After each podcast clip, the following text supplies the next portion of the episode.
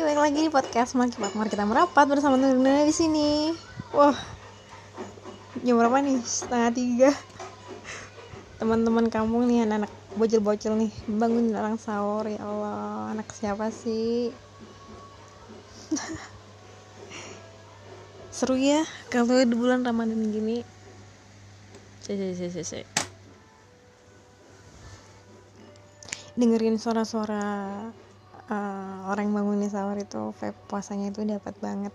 Nggak kerasa udah setahun ya alhamdulillah ketemu di bulan ramadan lagi. Diberi panjang umur disuruh ibadah. Alhamdulillah alhamdulillah. Karena aku nggak bisa tidur ya Allah. Tadi tuh lagi dengerin lagunya Aditya Sofyan. ya Sofian Aditya itu Aditya Sofyan sih yang Jogja. Jadi pengen ngebahas tentang Jogja sih. Ini lagi muterin lagunya Club Project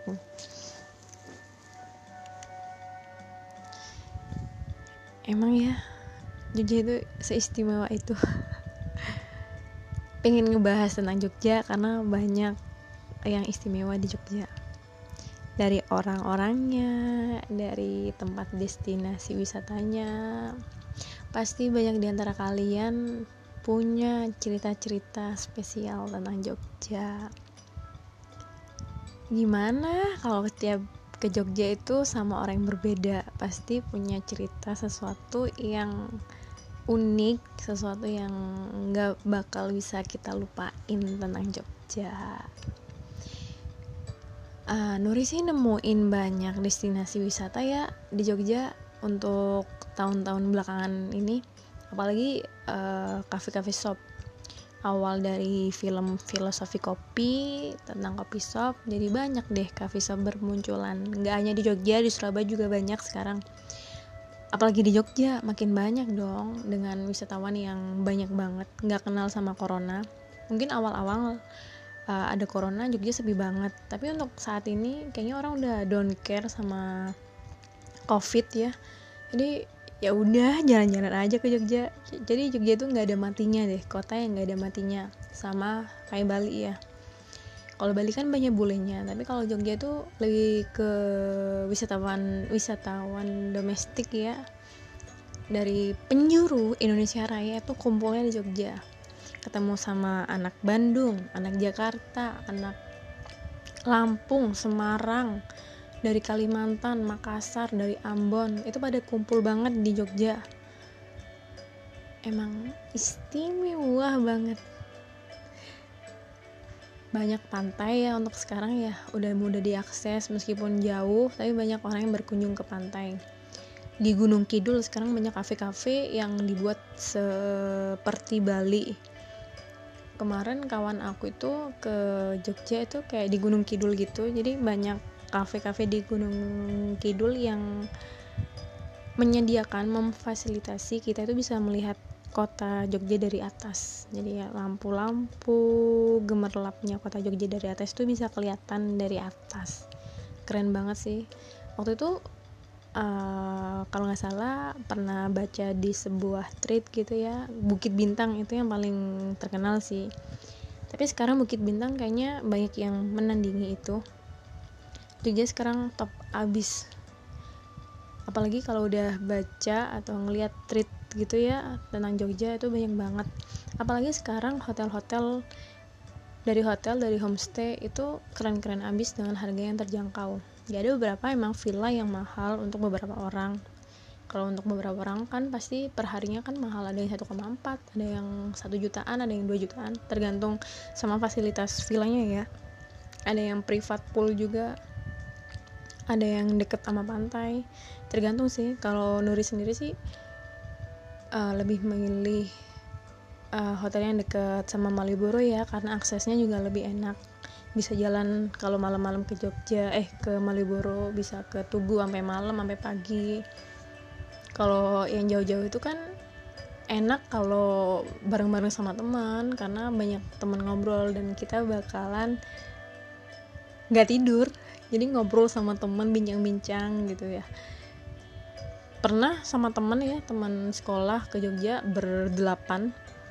Itu sampai malam sampai jam 2 pagi barusan tidur. Jadi ngobrol-ngobrol aduh senangnya.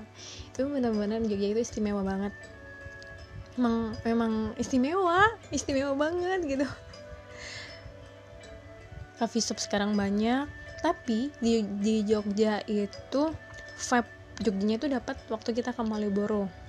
Tadi Nuri udah bilang orang se-Indonesia Raya itu kumpulnya di Jogja. Dan pas malam di Malioboro kan kita ketemu banyak orang di sana ada yang kenalan sama orang-orang baru ada yang punya cerita ketemuan di Malioboro ada yang kopi darat ya kayak ketemuan gitu ya sama ya ada yang gandengan tangan di Malioboro. Tugu Jogja juga punya cerita tersendiri ya. 0 km kalau Nuri sih punya cerita Tugu Jogja itu awalnya 2008 tuh Tugu Jogja itu belum ada pagarnya atau belum ada rantai-rantainya gitu ya.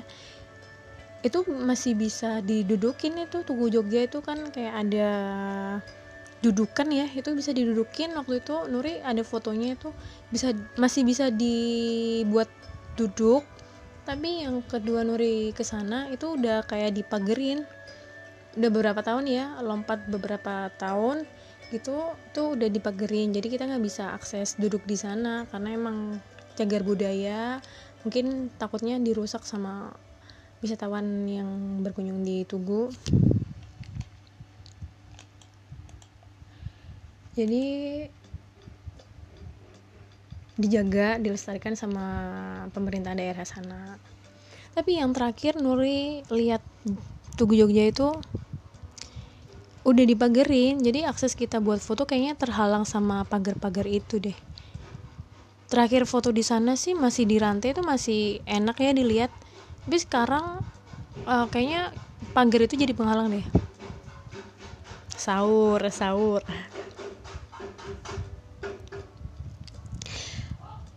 uh, Jogja.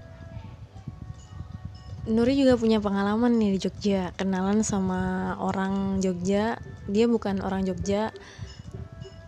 Dia uh, sebagai penjual ya penjual gelang. Awalnya sih Nuri nggak ada nggak ada niatan buat beli gelang. Cuma temen karena kebetulan beli gelang akhirnya Nuri beli gelang juga. Eh nemenin sih. Itu hal yang terlucu banget ya.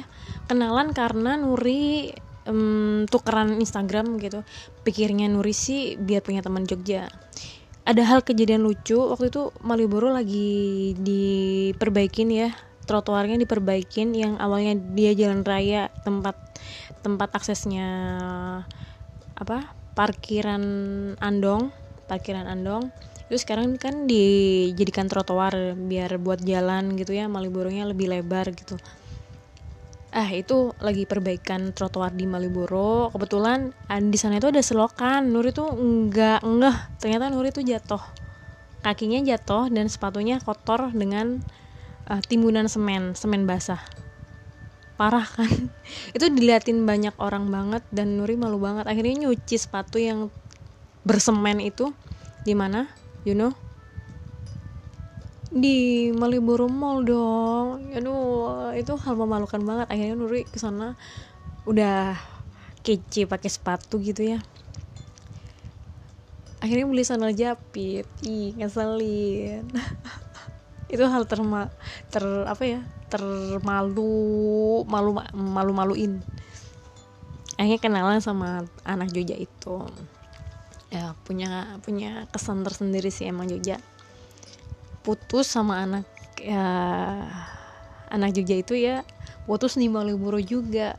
E, tiga bulan ke depannya tiga bulan ke depannya ketemuan lagi tuh kebetulan sama teman-teman kan ketemuan.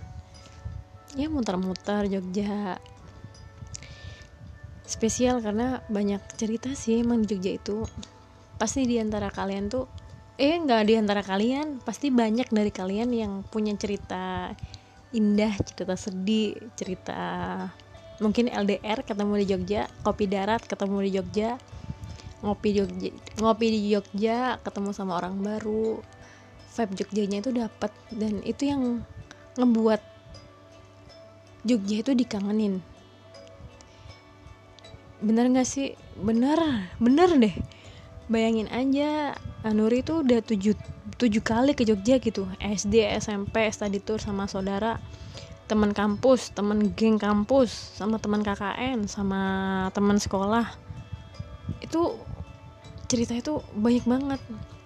Ini Nuri eh, Nuri di sini membagikan tips sih.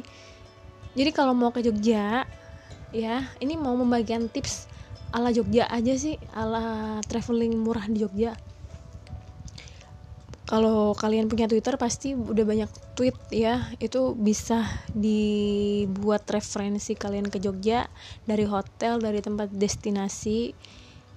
Itu bisa kalian akses di Twitter karena lebih lengkap lebih banyak orang yang nge-tweet yang punya tweet tentang budget-budget di Jogja. Tapi kali ini Nuri mau membagikan tips di Jogja ya dengan apa ya budget yang minim lah ya untuk kantong-kantong mahasiswa, kantong-kantong anak sekolah gitu.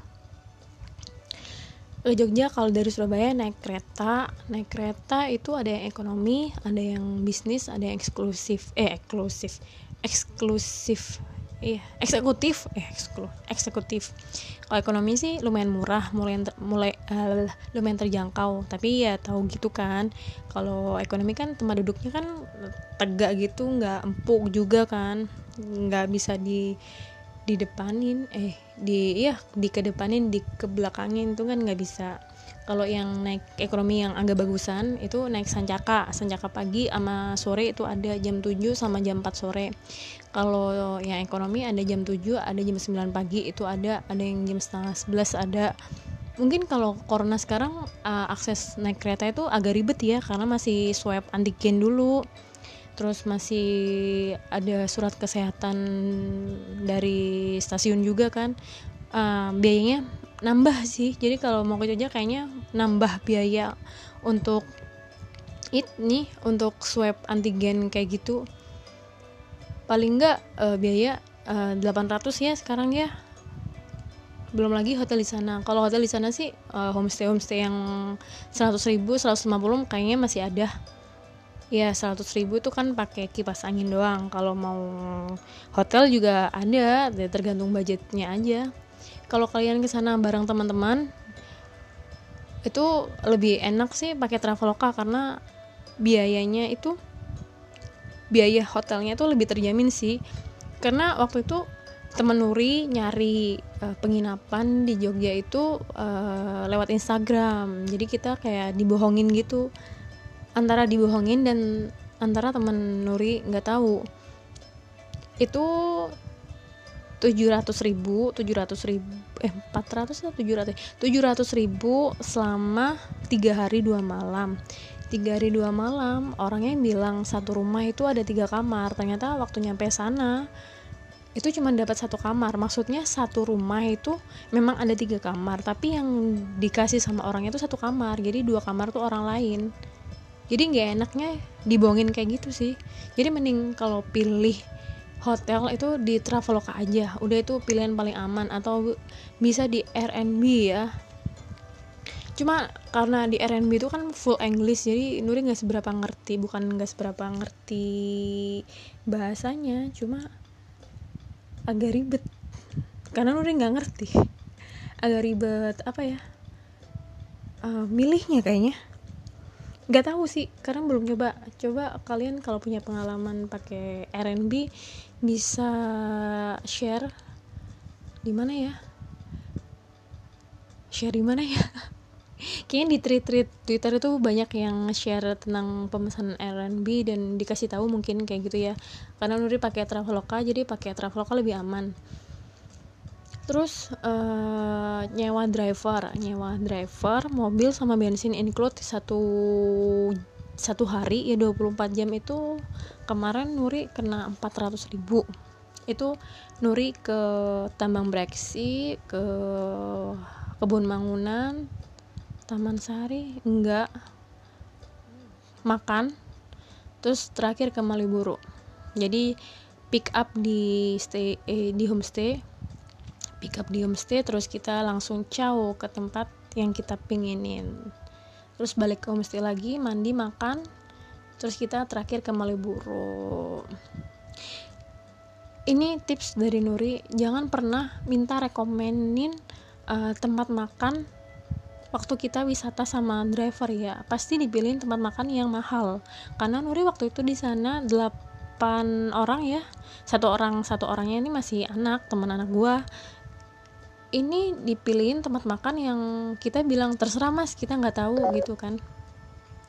Akhirnya dipilihin di tempat makan yang mahal. Jadi waktu itu kan Nuri lagi diet banget diet karbo. Jadi makan sayur doang. Waktu di total di total kena 800 ribu. Nyesel nggak loh jadi patungan 100 ribu doang.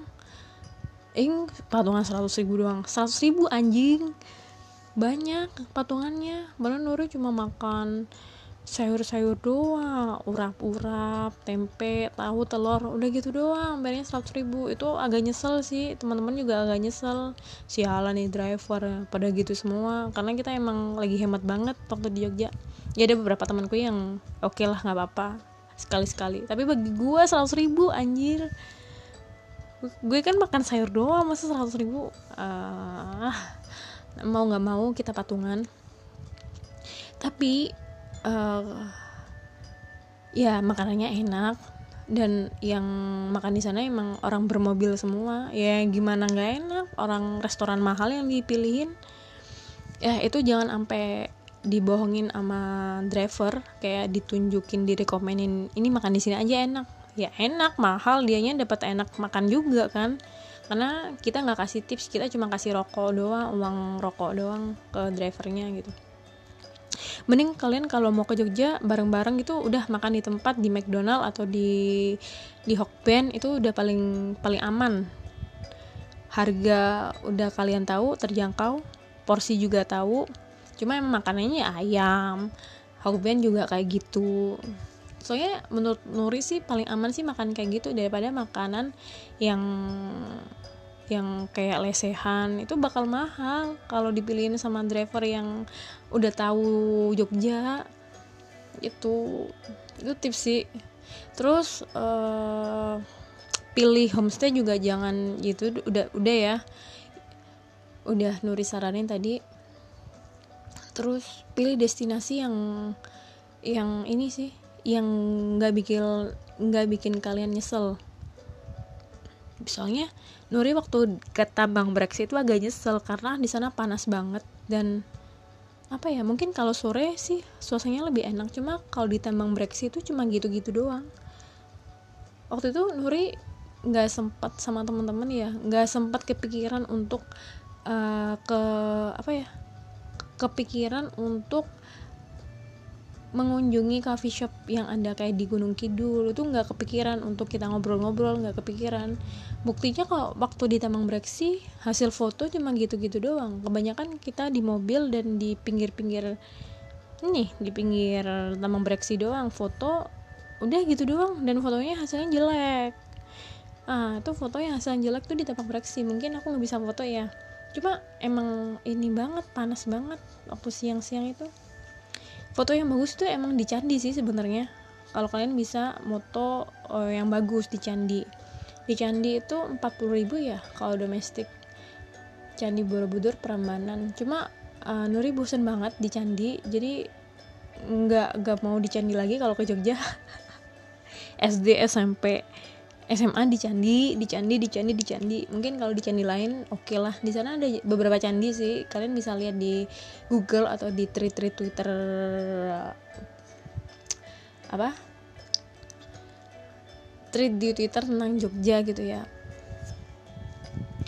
Uh, ke Jogja paling seru ya emang di Malioboro waktu malam. Kalau siang sih Malioboro biasa aja. Kalau malam itu emang dapat vibe-nya lampu-lampu kelap-kelip orang main angklung pengamen-pengamen jalanan yang banyak di sawer itu itu vibe Jogjanya itu dapat banget.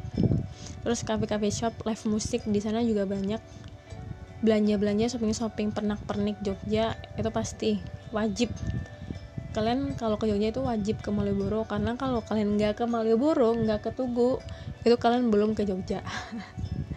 Ada lagi nih ke Jogja di pohon beringin kembar kalau destinasi wis, uh, wisata benteng Fradebuk ya kalau nggak salah sama keraton itu kan udah biasa ya udah biasa keraton mah ada lagi Taman Sari. Taman Sari itu rame banget. Jadi foto itu juga eh, nggak uh, sebagus yang ada di Google gitu. Karena setiap kita foto ada orang setiap kita foto ada orang. Jadi orangnya itu banyak dan rame. Jadi buat foto itu enggak enggak deh kayaknya mm -mm. kecuali kita ke sana pagi gitu ya baru mungkin banyak uh, masih banyak yang kosong banyak yang sepi. Jadi akses foto masih enak. Jogja uh, tadi ngomongin beringin kembar. Beberapa kali ke beringin kembar pastinya ada mitos kan siapa yang bisa siapa yang bisa jalan lurus?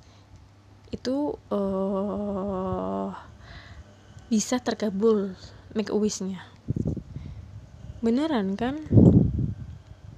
Bisa terkabul katanya mitosnya kayak gitu. Beberapa kali ke Jogja Nuri sih nyoba dan gak pernah lurus. Anehnya anehnya aneh banget.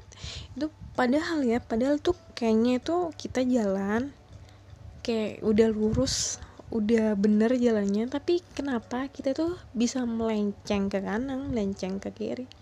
Belok kanan belok ke belok ke kiri aneh banget. Kesel kenapa? Beringin kembar itu iya kayak gitu pokoknya. Seru sih di beringin kembar itu jadi jadi kalau kalian sama teman-teman pasti gantian kan. Yeay seru banget kayak beringin ah kalau lu belok lu belok kanan lu gitu. Di beringin kembar juga ada penyewaan becak goes yang lampu-lampu itu kayaknya wajib deh uh, meluangkan waktu sama teman-teman naik becak goes karena ngayuh becak goesnya itu kan juga berat. Jadi agak sulit juga kan.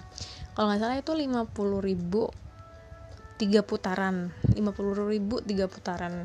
Ya lumayan lah buat foto sama teman-teman quality time sama teman-teman seru-seruan sama teman-teman naik becak goes itu seru seru lagi kalau ke Jogja pas lagi sekaten. Nah pas lagi sekaten tuh pastinya ada pasar malam. Itu pasti banyak uh, apa mainan-mainan tradisional kayak biang lala terus uh, dermolen apa ya dermolen kayak perahu-perahu gitu deh. Pokoknya itu itu paling rame di Jogja waktu sekaten. Sekaten tuh waktu apa ya hmm, sekaten itu waktu kayak ada acara upacara adat di Jogja deh kayaknya. Mm ya sekaten. Itu ramai banget. Buat foto-foto juga seru. Ada lagi waktu itu ke Jogja Nuri itu hari Rabu kalau nggak salah. Hari Rabu Rabu Pahing. Jadi setiap hari Rabu Pahing iya setiap hari Rabu Pahing itu Malioboro tuh tutup. Jadi setiap satu bulan sekali Rabu Pahing itu datang cuma satu kali dalam satu bulan. Itu Malioboro itu tutup. Jadi nggak ada orang yang berjualan di Malioboro. Katanya itu uh, hari lahirnya Hamengkubuwono jadi hari ulang tahunnya Hamengkubuwono itu mereka orang-orang lokal itu memperingati hari lahirnya Hamengkubuwono itu dengan tidak berjualan di sepanjang Malioboro. Jadi Malioboro itu sepi banget pada waktu itu. Iya, takutnya kalian uh, ke Malioboro pas hari Rabu lagi sepi-sepinya, sayang banget sih jadi nggak ada destinasi untuk belanja. Apalagi kalau kalian udah punya planning hari Rabu entar hari Rabu entar kita yang ke Malioboro aja. Hari-hari yang lainnya kita keluar ke luar-luar daerah dulu eh, wisata-wisata yang lain dulu. Nah kebetulan nih pas hari Rabu kalian kedapetan Rabu uh, Paing Rabu Paing atau Rabu lagi ya? Jadi dilihat takutnya kalian nggak bisa belanja itu sih uh, tips dari Nuri tentang Jogja. Emang emang Jogja itu nggak bisa dilupain. Ketemu sama orang baru naksir sama orang. Itu waktu di Jogja. Jujur ya kalau di Jogja itu emang uh, ketemu sama orang baru ngelihat uh, orang-orang dari seluruh penjuru Indonesia Raya itu di sana. Jadi ih cakep banget. Cewek-cewek cakep tuh kumpul di Jogja. Udah kangen banget kalau di Jogja suasana-suasana ngelihat orang-orang baru itu nyegerin banget. Cewek-cewek pada cantik cowok-cowoknya juga pada keren. Keren ambis pokoknya. Nggak tahu kenapa Jogja itu istimewa banget. Udah istimewa. Nggak ada nggak ada kota yang lebih istimewa dari Jogja. Beneran beneran.